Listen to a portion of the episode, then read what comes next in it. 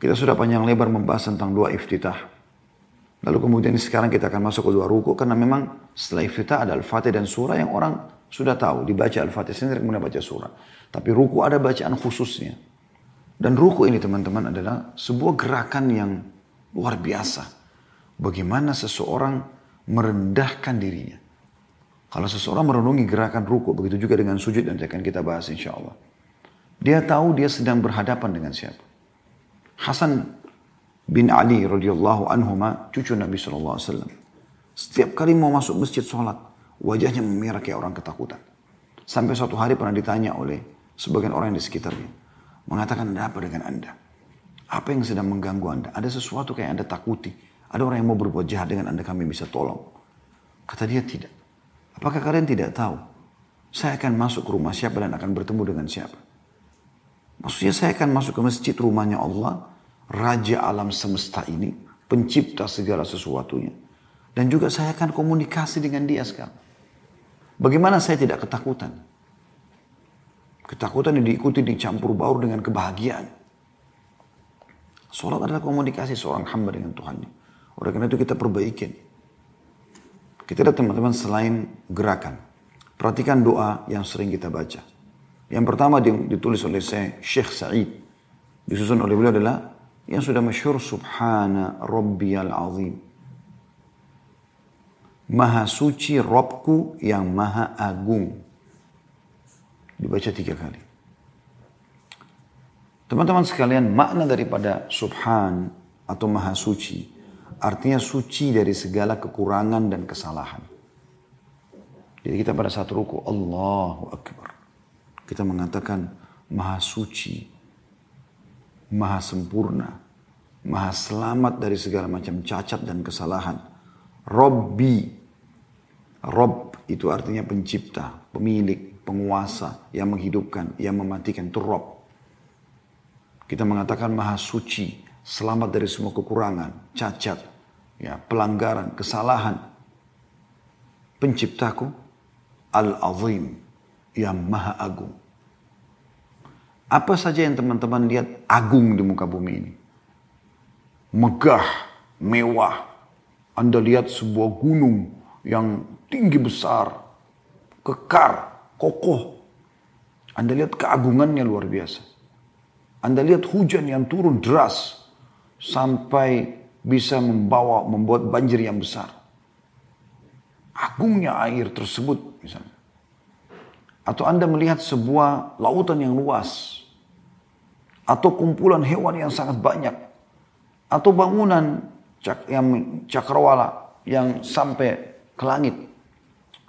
Gunung-gunung pencakar langit kita lihat di Jakarta pun ada. Kita melihat keagungan agung besar. Maka semua itu hanya sebagian kecil dibandingkan keagungan sang pencipta Allah subhanahu wa ta'ala. Anda mau lebih tahu bagaimana cara memahami ini secara ilmiah? Saya yakin Anda pernah belajar ilmu pengetahuan alam. Kita tidak asing di SD, SD SMP, SMA, bahkan mungkin di universitas juga dia pelajari. Ya. Atau mungkin Anda mau lebih tahu, lebih merenungi kembali, Anda bisa habis ini tinggal ketik di Google atau di YouTube tentang posisi dan ukuran bumi dibandingkan bintang-bintang di langit. Saya pernah dapat sebuah foto teman-teman sekalian. Diambil dari satelit. Bagaimana bintang-bintang di langit seperti pasir banyaknya. Seperti pasir. Jumlahnya miliaran. Sudah tidak bisa dihitung lagi. Ilmuwan cuma mengatakan miliaran. Satu miliar berarti seribu juta. Sekian miliar bintang-bintang itu seperti pasir. Dan apakah Anda tahu? Ternyata di foto itu diberikan sebuah tanda merah oleh para ilmuwan kecil sekali. Itu adalah bumi kita. Artinya bumi salah satu dari bintang-bintang yang ada di langit ini. Dan dia termasuk yang kecil ukurannya dibandingkan yang lainnya. Matahari yang Anda lihat setiap hari bisa terbit dan Anda bisa rasakan teriknya. Sekian juta kali mungkin lebih besar daripada bumi. Begitu juga dengan bintang-bintang atau planet-planet yang lainnya. Bagaimana kita pelajari Jupiter dan yang lainnya, itu lebih besar daripada bumi misalnya. Ya. Ada juga yang lebih kecil, ada yang lebih besar. Tapi yang lebih besar. Kita bicara yang lebih besar. Mohon maaf kalau ada kekeliruan dalam penyebutan nama planet ini. Tapi yang jelas kita sudah tahu itu tidak asing lagi dengan ada yang lebih besar daripada bumi. Berbagai macam hal yang kita bisa saksikan. Bahkan terbit buku hardcover berwarna menjelaskan tentang pengetahuan alam. Saya pernah mampir ke rumah paman saya di Makassar. Rahimahullah. Dr. Abdurrahman Basalam beliau sudah meninggal. Saya kan dulu saya masih SD ada buku beliau beli hardcover itu satu jilid tentang ilmu pengetahuan alam, satu jilid tentang manusia, satu jilid tentang Eh, hewan-hewan. Saya coba buka, saya lihat bagaimana ilmu mendatangkan foto-foto asli dari satelit bintang ini, bintang itu, komposisinya, besarnya, ukurannya, dan segala macam hal. Dan itu secara ilmiah terbukti. Para ilmuwan cuma bisa mengatakan luar biasa. Luar angkasa yang luar biasa. Semua itu teman-teman sekalian adalah bagian kecil dari yang telah mengadakan semua itu sang pencipta Allah subhanahu wa ta'ala. Makanya salah satu sifat Allah adalah Al-Azim, yang maha agung.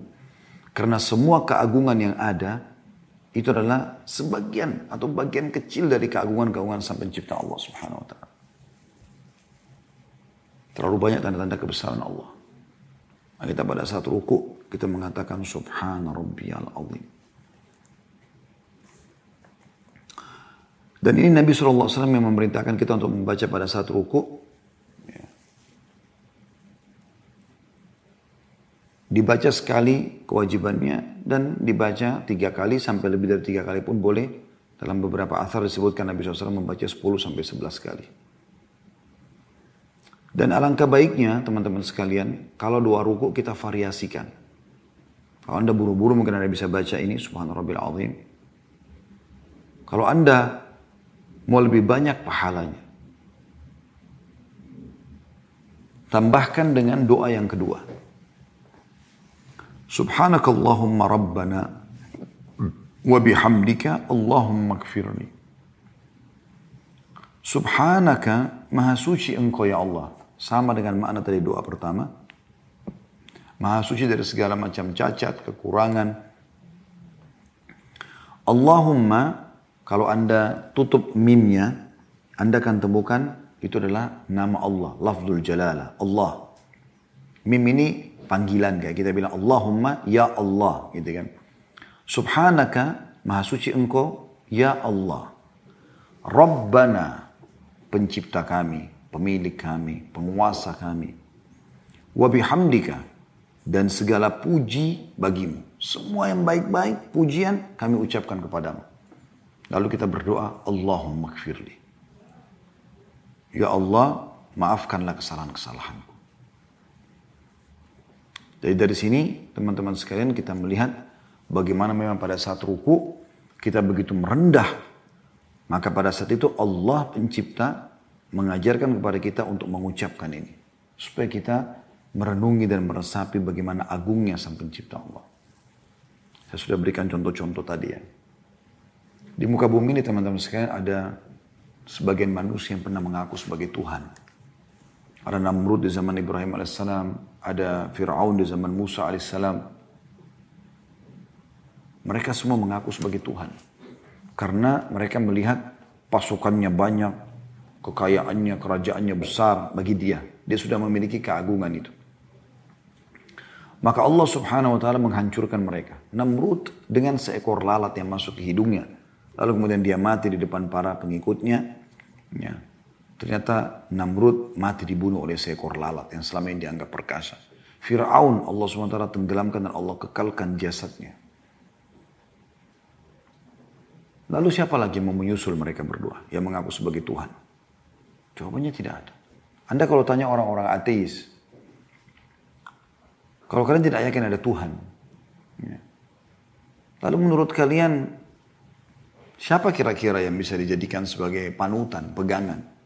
Ada hewan-hewan dengan jutaan spesiesnya, ada manusia, ada ya, tumbuh-tumbuhan, ada bintang-bintang, ada air, ada api, ada udara. Yang mana? Yang mana yang kita pegang? Maka mereka akan mengatakan manusia. Manusia adalah penduduk bumi ini, bahkan alam semesta ini yang paling canggih. Sampai kita sekarang bisa punya handphone, punya laptop, punya jaringan internet dan segala macam. Bisa menguruk lautan, bisa mengorek kekayaan bumi. Kita jalan dengan akal mereka saja. Baiklah, kita anggap manusia sekarang yang paling canggih. Sekarang manusia dari mana asalnya? Dari manusia pertama. Oke, siapa manusia pertama? Orang ateis tidak yakin tentang Adam AS. Tapi anggaplah kita mereka yakin, oh ya Adam. Karena mereka bukan dari manusia pertama. Siapa manusia pertama? Mereka tidak punya jawaban. Oke, manusia pertama ini siapa yang ciptakan? Dari mana asalnya? Tiba-tiba jadi begitu saja? Mulailah mereka mengarang-ngarang seperti kasus Darwin, ngarang-ngarang manusia dari kerah. Kalau kita rentet terus ini mereka tidak akan punya jawaban. Dari kerah. Dibuatlah ilustrasi gambar kera yang bungkuk berbulu, kemudian tiba-tiba bungkuknya melurus, kemudian tiba-tiba bulunya rontok, kemudian tiba-tiba jadi manusia. Bahkan saya pernah nonton cuplikan ilmiah. Itu terbongkarnya tentang kedustaan praktek atau teori Darwin yang mengatakan manusia dari kera. Karena ternyata teman-teman sekalian, mereka datangkan tengkorak yang mereka buat rekayasa seakan-akan mirip dengan kera, lalu dikatakan inilah asal manusia. Subhanallah pernah terjadi di Amerika ribut antara orang-orang pengikut Darwin ini sama orang-orang yang mengaku, mengaku beriman kepada Allah. Walaupun sebenarnya yang sedang berdebat ini adalah orang-orang yang ateis dengan orang uh, orang-orang Nasrani. Tapi Nasrani mereka tahu ada Tuhan namanya Allah. Yang terjadi adalah hakim bingung memecahkan permasalahan. Bagaimana caranya? Permasalahannya bagaimana dipecahkan? Pada saat diperebutkan sebuah tanah, sebidang tanah, harta kan, maka kita akan temukan bisa dipecahkan. Tapi ini keyakinan. Maka tiba-tiba hakimnya mengatakan begini saja. Yang mengaku turunan kera ke sebelah kiri saya. Subhanallah ya mereka pun mengaku mendukung teori Darwin bahwasanya manusia dari kera tidak mau ke sebelah, tidak mau dikatakan keturunan kera. Jadi sebenarnya secara fitrah mereka menolak. Kalaupun oke okay, kita iya akan dari kera. Kera dari mana asalnya? Kalau kita lihat terusin akan mereka akan segala macam ilustrasi dibuat yang tidak masuk akal. Darwin pernah menulis sebuah buku. Dan itu diangkat oleh para ilmuwan muslim pada saat menjelaskan secara rasional bagaimana Allah itu ada. Dia setiap kali melihat satu hewan, dia coba ilustrasikan. Agar bisa punya jawaban kalau muridnya tanya. Tapi dia nulis di bukunya dan dia meninggal dalam kondisi tulisan itu ada. Dia mengatakan dia pernah waktu mau pergi mengajar satu waktu, dia dihadang oleh burung merak. Lalu burung merak itu mengepakkan ekornya. Kita sudah tahu bagaimana indahnya, warna-warninya segala macam itu. Maka dia pun mengatakan, saya selalu muak kalau mengingat merak yang menghadang jalanku, karena aku tidak pernah tahu dari mana asalnya. Dia mau coba ilustrasikan dari mana, sulit. Dia meninggal dalam kondisi bingung. Merak itu dari mana asalnya? Kita orang muslim Alhamdulillah sudah punya jawaban langsung. Semua yang kau lihat, yang kau tidak lihat. Besar, kecil, di, di langit, di, di bumi, di, dalata, di, da, di dalam bumi, di darat, di lautan. Semua la ilaha illallah. Gak ada yang menciptakan, gak ada yang mengadakan, gak ada yang mengatur populasinya. Menyiapkan kebutuhannya kecuali Allah. Kita sudah sangat dimanja sebagai orang beriman, punya jawabannya. Jadi teman-teman kita sedang ruku kepada Tuhan itu. Kepada pencipta yang agung itu. Kalau Anda masih belum merasakan kehusyuan selama ini, maka pastikan masih ada penghambat dari dosa-dosa kita. Coba Anda istighfar, bertobat kepada Allah SWT dan harus Anda yang mengubah diri Anda sendiri. Mulailah teman-teman sekalian untuk menutup semua keran-keran dosa. Tutup semua. Coba Anda ibadah kepada Allah SWT. Seminggu saja pasti akan ada perubahan dari sisi kehusyuan. Sebulan, apalagi sampai setahun, udah luar biasa. Anda akan sangat mudah menangis. Anda akan merindukan surga. Pernah Anda belum pernah lihat. Anda akan takut dari neraka. Anda akan takut dengan dosa-dosa yang Anda lakukan. Anda takut terjerumus dalam kesalahan. Karena sudah ada keimanan dalam hati. Anda lebih khusyuk dalam sholat. Lebih semangat dalam baca Quran. Lebih semangat dalam zikir. Lebih semangat dalam bersedekah. Dan itu tidak akan ada kalau orang masih ada buat membuka pintu-pintu dosa. Oleh karena itu bacaan-bacaan seperti ini akan bisa direnungi kalau orang makin dekat dengan Allah Subhanahu wa taala, makin terasa. Ya. Begitu juga dengan doa yang ketiga. Jadi untuk semua tadi doa ini diriwayatkan Imam Bukhari tadi subhanallah azim riwayat Imam Bukhari jadi tiga halaman tiga. Dan yang kedua adalah diriwayatkan oleh Imam Ahmad dan juga ada diriwayatkan Tirmidzi dan ini didukung dari Sahih At-Tirmidzi oleh Al Syekh Albani. Kemudian yang ketiga ini diriwayatkan Imam Muslim di satu halaman 353 subuhun qudusun rabbul malaikati war ruh Maha suci lagi maha kudus, Rabb para malaikat dan juga malaikat Jibril. Allah subhanahu wa ta'ala adalah subuh, maha suci, kudus, maha bersih.